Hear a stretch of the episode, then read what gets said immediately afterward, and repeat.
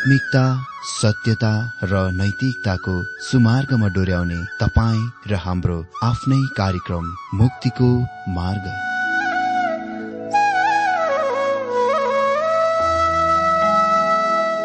आदरणीय श्रोता यस मुक्तिको मार्ग कार्यक्रममा हार्दिक स्वागत छ आशा छ यस आत्मिक कार्यक्रमद्वारा जीवनमा आत्मिक आशिष अलौकिक शान्ति र आनन्द प्राप्त गर्नुहुनेछ। र जीवनमा धन्य अनुभव गर्नुहुनेछ। आउनुहोस् श्रोता मन र आत्माको तयारीको लागि यो मिठो अनि मधुर भजन गीत सुनौ।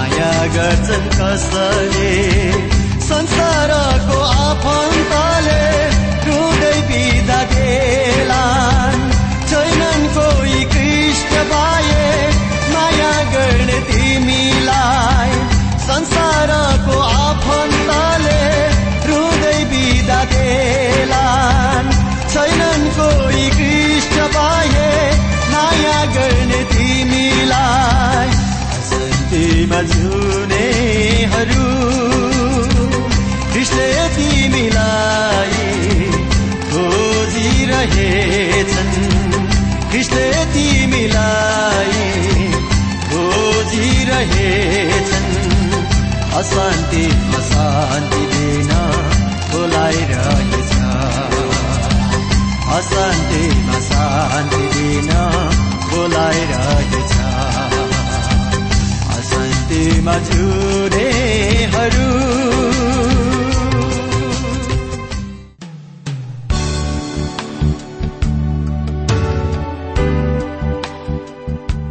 श्रोता यो प्रसारण मार्फत यो अवगत गराउन चाहन्छौ कि प्रभुको सेवाको लागि यहाँहरूको साझेदारी नित्यन्त आवश्यकता छ। यहाँहरूले प्रार्थनाको साथसाथै आर्थिक सहायता गर्न अनुरोध गर्दछौ।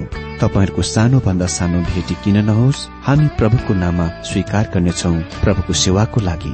तपाईँहरूको यो सानो लगानीले कसैको जीवनमा भिन्नता ल्याउँछ अनि प्रभुको महिमा हुन्छ। प्रभु तपाईँहरूलाई महान गरी आशिष दिनुहुनेछ। इच्छुक श्रोताहरूले तपाईँको इच्छा भेटी हाम्रो ठेगानामा पठाउन सक्नुहुन्छ जुन ठेगाना हामी कार्यक्रमको अन्तमा दिनेछौं। श्रोता आज पनि मेरो जयमसी अनि हार्दिक स्वागत छ तपाईँहरूको यो आफ्नै बाइबल अध्ययन कार्यक्रममा। आशा गर्दछु तपाईँ सबै तयारीको साथ आइपुगिसक्नु भएको छ आफ्नो रेडियोको सेटको सामुन्ने। श्रोता आज हामी बाइबल अध्ययन प्रकाश आठ अध्ययन दुईदेखि छ पदबाट अध्ययन गर्न गइरहेका छौं। यहाँ हामी देख्छौ धूपको धुपौरोसँग वेदीमा स्वर्गीयदूत प्रकाश आठ अध्यय दुई पदमा यस प्रकार लेखिएको छ। परमेश्वरको सामुने उभिने सात स्वर्गीय दूतहरूलाई मैले देखे। तिनीहरूलाई सातवटा तुरही दिइयो। यी सात स्वर्गीय दूतहरूलाई हामी कहाँ विशेष समूहको रूपमा परिचय गरिएको छ? म विश्वास गर्दछु ग्राबियल यस समूहमा छन् किनभने हामीलाई भनिएको छ कि उनी परमेश्वरको सामने खड़ा रहन्थे।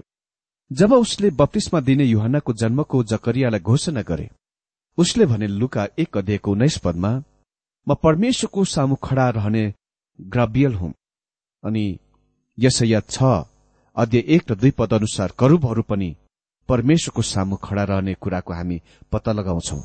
तर पनि यी सात स्वर्गीय दूतहरू देखावटी रूपमा करूबबाट बेग्लै अलग्गै श्रेणीका देखिन्दछन्। किनभने तिनीहरूका सेविकाई र सेवा बिल्कुलै बेग्लै वा अनौठो अलग्गै छ। सात तुरैहरूसँग इसरायलको लागि विशेष अर्थ छ।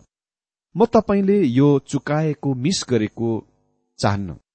म यसलाई एक सबभन्दा धेरै महत्वपूर्णको रूपमा विचार गर्दछु। यहाँ नै पुरानो नियमको ज्ञान राख्न नित्यन्त आवश्यकता छ। गन्तीहरूको पुस्तकमा मोसालाई परमेश्वरद्वारा दुईवटा चाँदीको तुरहीहरू बनाउने कामको लागि निर्देशनहरू दिइएको थियो। दुई साक्षीको वा गवाईको संख्या हो। दुई साक्षीको वा गवाईको संख्या हो। प्रभुले धेरैपल्ट भन्नुभएको छ कि दुई साक्षीहरूको मुखको वचनले कुनै पनि मामलाको प्रमाणित र सिद्ध गर्दछ। अर्थात् दुई साक्षीको गवाईको मान्य हुँदछ।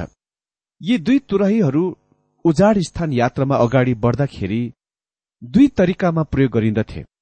तिनीहरूलाई सभा वा झुण्डहरूको बोलाउनको निम्ति प्रयोग गरिन्दथे र तिनीहरूलाई उजाड स्थानको यात्रामा अगाडि बढ्ने शुरू गर्नलाई प्रयोग गरिन्दथे।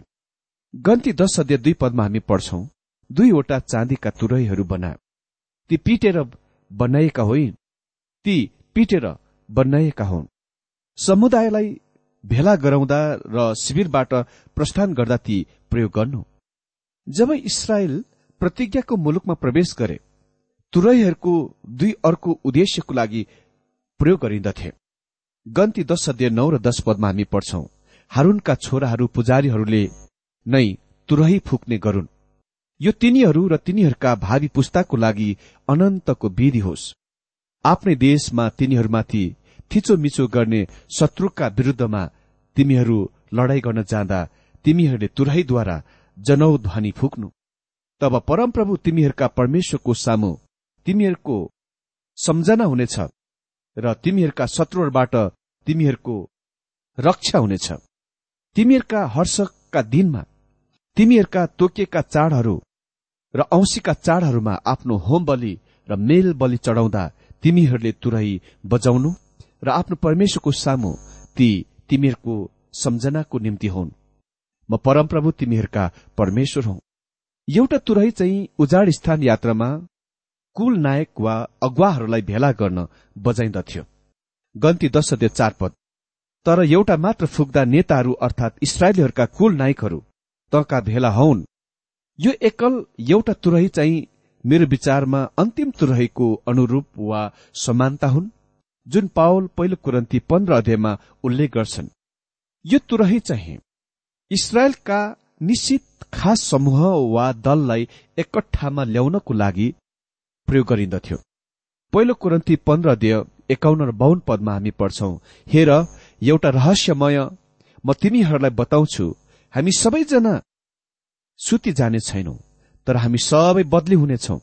एकैछिनमा आँखाको झिमिकमा आखिरी तुरही बज्दा हुँदी किनकि तुरही बज्नेछ र मरेकाहरू अविनाशी अविनाशी दशामा बौराउनेछन् र हामी चाहिँ बदली हुनेछौ। अभाग्यवश त्यहाँ कोही कोही छन् जसले अनुमान गर्दछन् कि पहिलो कोरन्थीको अन्तिम तुरही प्रकाशको सातौं तुरही हो। त्यससँग त्यहाँ कुनै सम्बन्ध छँदै छैन। पावलको कुरालाई फेरि सुन्नुहोस्। पहिलो तेस्लो कि चार अध्यय सोह्र पदमा किनकि प्रभु आफै चितकारसित प्रधान स्वर्गीयदूतको आवाज र परमेश्वरको तुरैसित स्वर्गीयबाट ओर्लन्नुहुनेछ अनि ख्रिस्टमा मरेकाहरू पहिले बौरेर उठ्नेछन्। चितकार चाहिँ प्रभु येशुको आवाज हो। प्रधान स्वर्गीयदूतको आवाजको मतलब हो येशु प्रभुको आवाज महान स्वर्गीयदूतको आवाज जस्तै छ।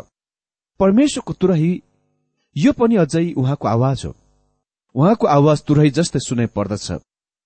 हामीले त्यसको प्रकाश एक अध्यय दश पदबाट देख्यौं जहाँ युहाना भन्छन् कि उहाँले तुरहीको आवाज जस्तै आवाज सुने उनी पछि फर्केर हेर्दा महिमित ख्रिष्टलाई देखे। महिमित ख्रिष्टले उहाँका आफ्ना जनहरूलाई पृथ्वीबाट बोलाउन गइरहनु भएको छ। जब पावलले अन्तिम तुरहीको सम्बन्धमा बोल्छन् तुरही बज्नेछ र मरेकाहरू पहिले ब्युति उठ्नेछन् उसको मतलब येसु प्रभुको बोलावट हो। यो अन्तिम बोलावट हो जुन उहाँ चर्च वा मण्डलीलाई बोलाउनुहुन्छ। त्यसलाई यसकारण अन्तिम तुरही भनिन्दछ। त्यसलाई यसै कारण आखिरी तुरही भनिन्दछ। तर यसकै पुरानो नियम प्रकार वा तरिका चाहिँ इसरायलका सन्तानहरूबाट कुल नायक वा अगुवा नेताहरूको बोलावट हो। एउटा तुरहीको फुकाईको उजाड स्थान यात्रामा इसरायलको सन्तानहरूको अगाडि बढ्ने कुरासँग राख्नुपर्ने कुनै सरोकार छँदै छैन। तर तुरहीहरूले सजगताको सतर्कताको संकेत आवाज फुकिन्थ्यो जुनले इसरायलीहरूलाई उजाड स्थान यात्रामा अगाडि बढाउँदथ्यो। र यो प्रत्येक विभागलाई अघि बढाउन फुकिन्थ्यो। इसरायलका बाह्र कुलहरूलाई तीन तीन कुलहरूको दरले चार समूहमा विभाजन गरिएका थिए जुनले पवित्र वासस्थान वा भेट हुने पाललाई वरिपरि आफ्ना पाल तम्बु बनाएर चारैतिरबाट घेरेका हुन्थे। त्यसको अतिरिक्त त्यहाँ लेबीको तीन अलगै परिवार हुन्थे जसले पवित्र वासस्थान वा भेट हुने पालको सरसमानहरूको बोक्दथे तिनीहरू कोहात गर्सोन र मरारी थिए। चार र तीन जोड्दा सात बन्दछ यसको मतलब इसरायलीहरूलाई आफ्नो यात्रामा बढ़ाउनको लागि सात तुरहीहरूको फुकाईहरू हुन्थे। जब पहिलो तुरही फुकिन्थ्यो सन्दुकलाई कुहाटीहरूले बोकेर अगाडि बढ्थे। त्यसपछि यहुदाको झण्डाको ब्यानरको मुनि दुई अन्य कुलहरूसँग यहुदाको कुलसँग अगाडि यात्रामा बढ्थे र एवं क्रमले ती प्रत्येक झुण्ड वा दल आफ्नो यात्रामा बढ्थे तुरहीको फुकाईको निर्देशनमा।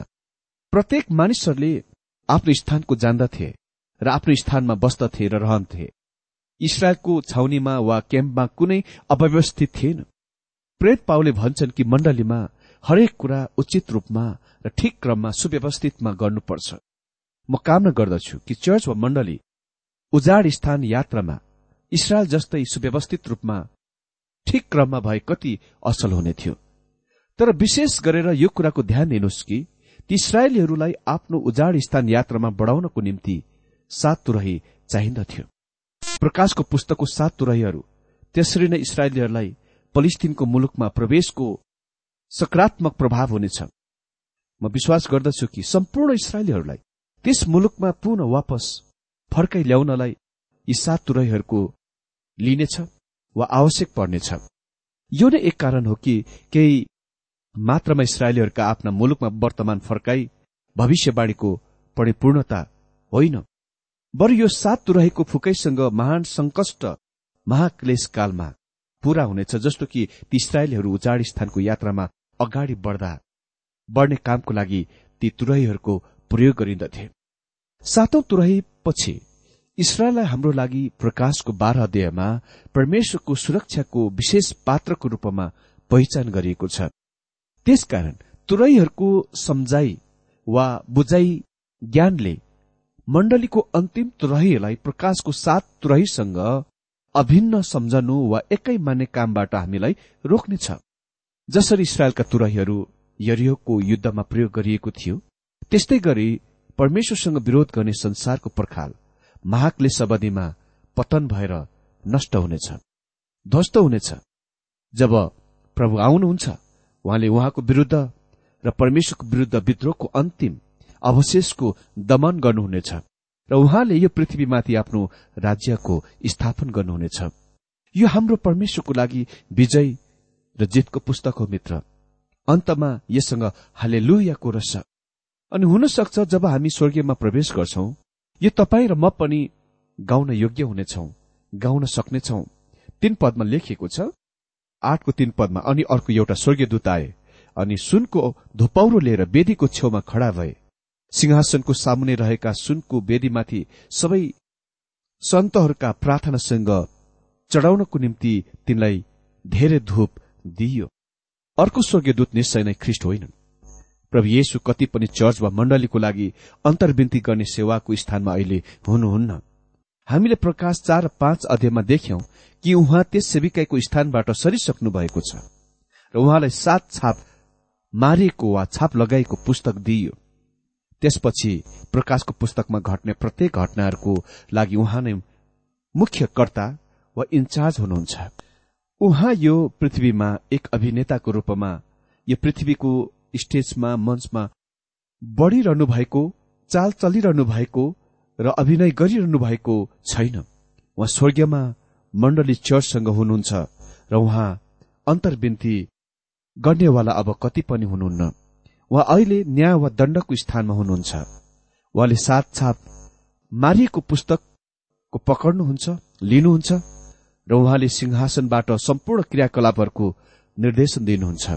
यहाँ उल्लेखित अर्को स्वर्गीय दूत खालि एक अर्को स्वर्गीय दूत हुन्। म सोच्दिन कि प्रभु येशुलाई त्यसरी पहिचान गरिएको छ।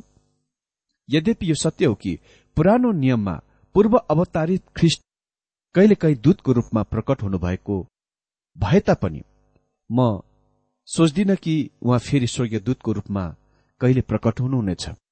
वा महिमित शरीरमा हुनुहुनेछ र हामी उहाँलाई त्यस्तै कुनै दिन देख्नेछौ सुनको वेदी त्यो स्थान हो जहाँ प्रार्थना चढाइन्दछ प्रार्थना गरिन्दछ।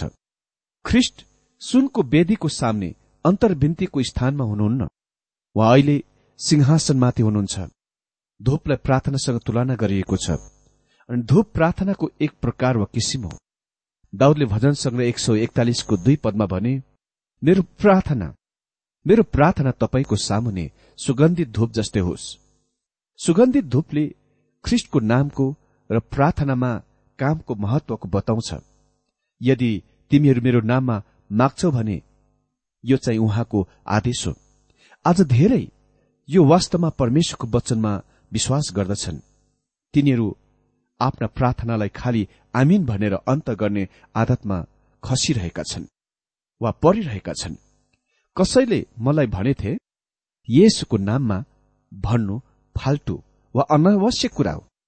किनभने तपाईँ आफ्नो हृदयमा येसुको नाममा प्रार्थना गरिरहनु भएको छ।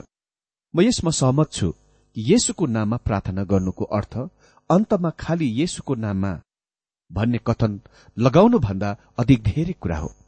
तर म भन्न चाहन्छु कि यदि तपाईँ येसुको नाममा प्रार्थना गरिरहनु भएको छ विशेष गरेर सार्वजनिक प्रार्थना सभामा यो कुरा भन्नलाई एकदम निश्चय हुनुहोस् कि यो येसुको नाममा हुनुपर्छ। म विश्वास गर्दछु कि यो एकदम महत्वपूर्ण छ।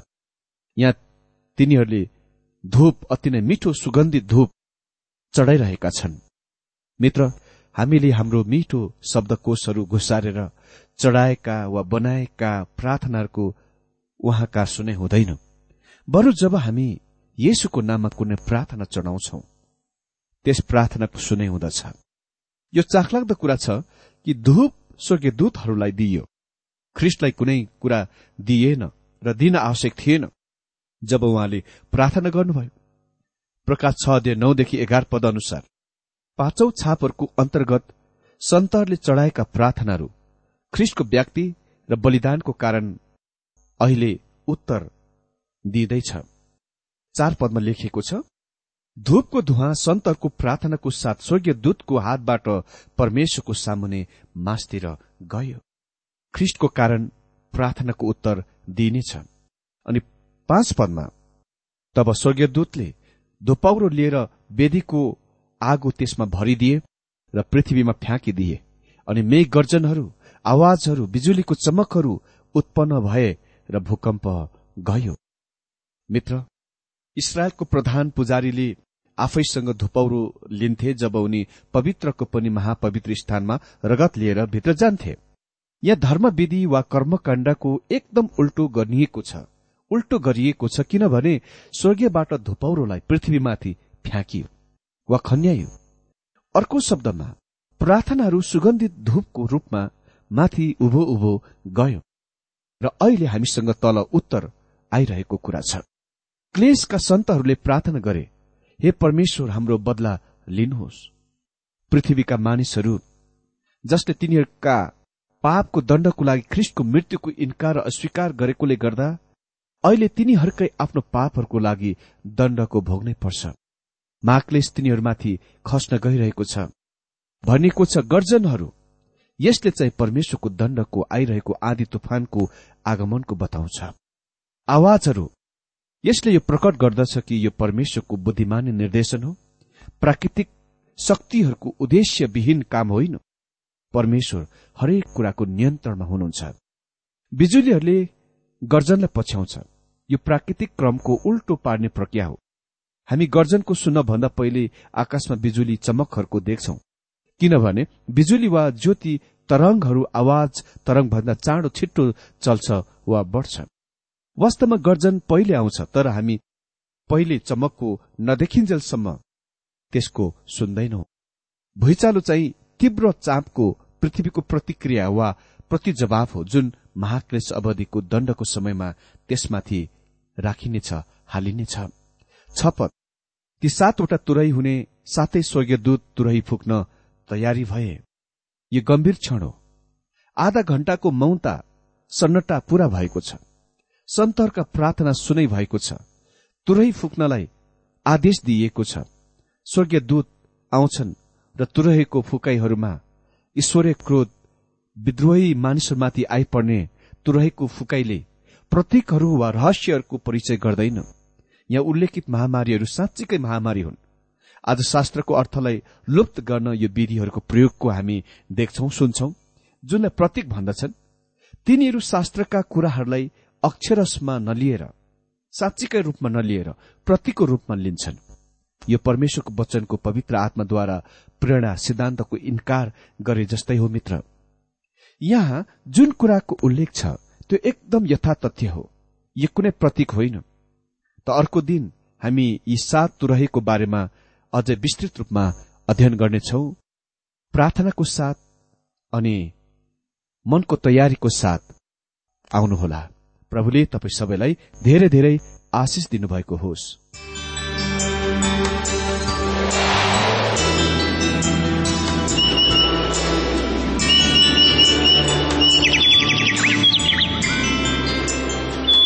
प्रिय श्रोता अहिले भर्खरै तपाईँले टीडब्ल्यूआर नेपालद्वारा सञ्चालित आत्मिक कार्यक्रम मुक्तिको मार्ग सुनिरहनु भएको थियो। श्रोता आजको यो कार्यक्रम सुनेर तपाईँलाई कस्तो लाग्यो? यदि यो कार्यक्रम सुनेर मनमा कुनै खुल्दुली वा कुनै प्रतिक्रिया अर्थात सुझावहरू छन् भने हामीलाई पत्रद्वारा लेख्न सक्नुहुनेछ। हामी हृदयदेखि नै स्वागत गर्नेछौ स्वीकार गर्नेछौ साथै बाइबल सम्बन्धित प्रचारहरू कार्यक्रम सारणीहरू हामी अनुरोधमा पठाउन सक्छौ। अनि तपाईँसँग कुनै प्रार्थनाको विषय छन् भने हामीले तपाईँको लागि प्रार्थना गरेको चाहनुहुन्छ। चाहनुहुन्छ भने प्रभुमा आफ्नै परिवार सम्झेर हामीलाई पत्रमा लेख्न सक्नुहुनेछ। तपाईँको लागि हामी प्रभु येशुसँग प्रार्थना गर्नेछौ। अधिक जानकारी र पत्रचारको लागि हाम्रो ठेगाना यस प्रकार छ। कार्यक्रम मुक्तिको मार्ग जीपीओ नम्बर उनानब्बे पचहत्तर एपीसी पच्चिस एकसठी काठमाडौँ। ठेगाना एकपल्ट सुन्नुहोला। कार्यक्रम मुक्तिको मार्ग जीपीओ नम्बर उनानब्बे पचहत्तर एपीसी पच्चिस एकसठी काठमाडौँ। हाम्रो इमेल एड्रेस हो TWR Nepal at Yahoo dot com. साथै यस नम्बरमा एसएमएस गर्न सक्नुहुनेछ। अन्ठानब्बे चार सत्तरी पैतिस छ सय उनासी नौ आठ चार सात जिरो तीन पाँच छ सात नौ। हुन्छ श्रोता आजलाई हामी विदा चाहन्छौ। अर्को कार्यक्रममा हामी पुनः भेट्नेछौ तबसम्मलाई नमस्कार।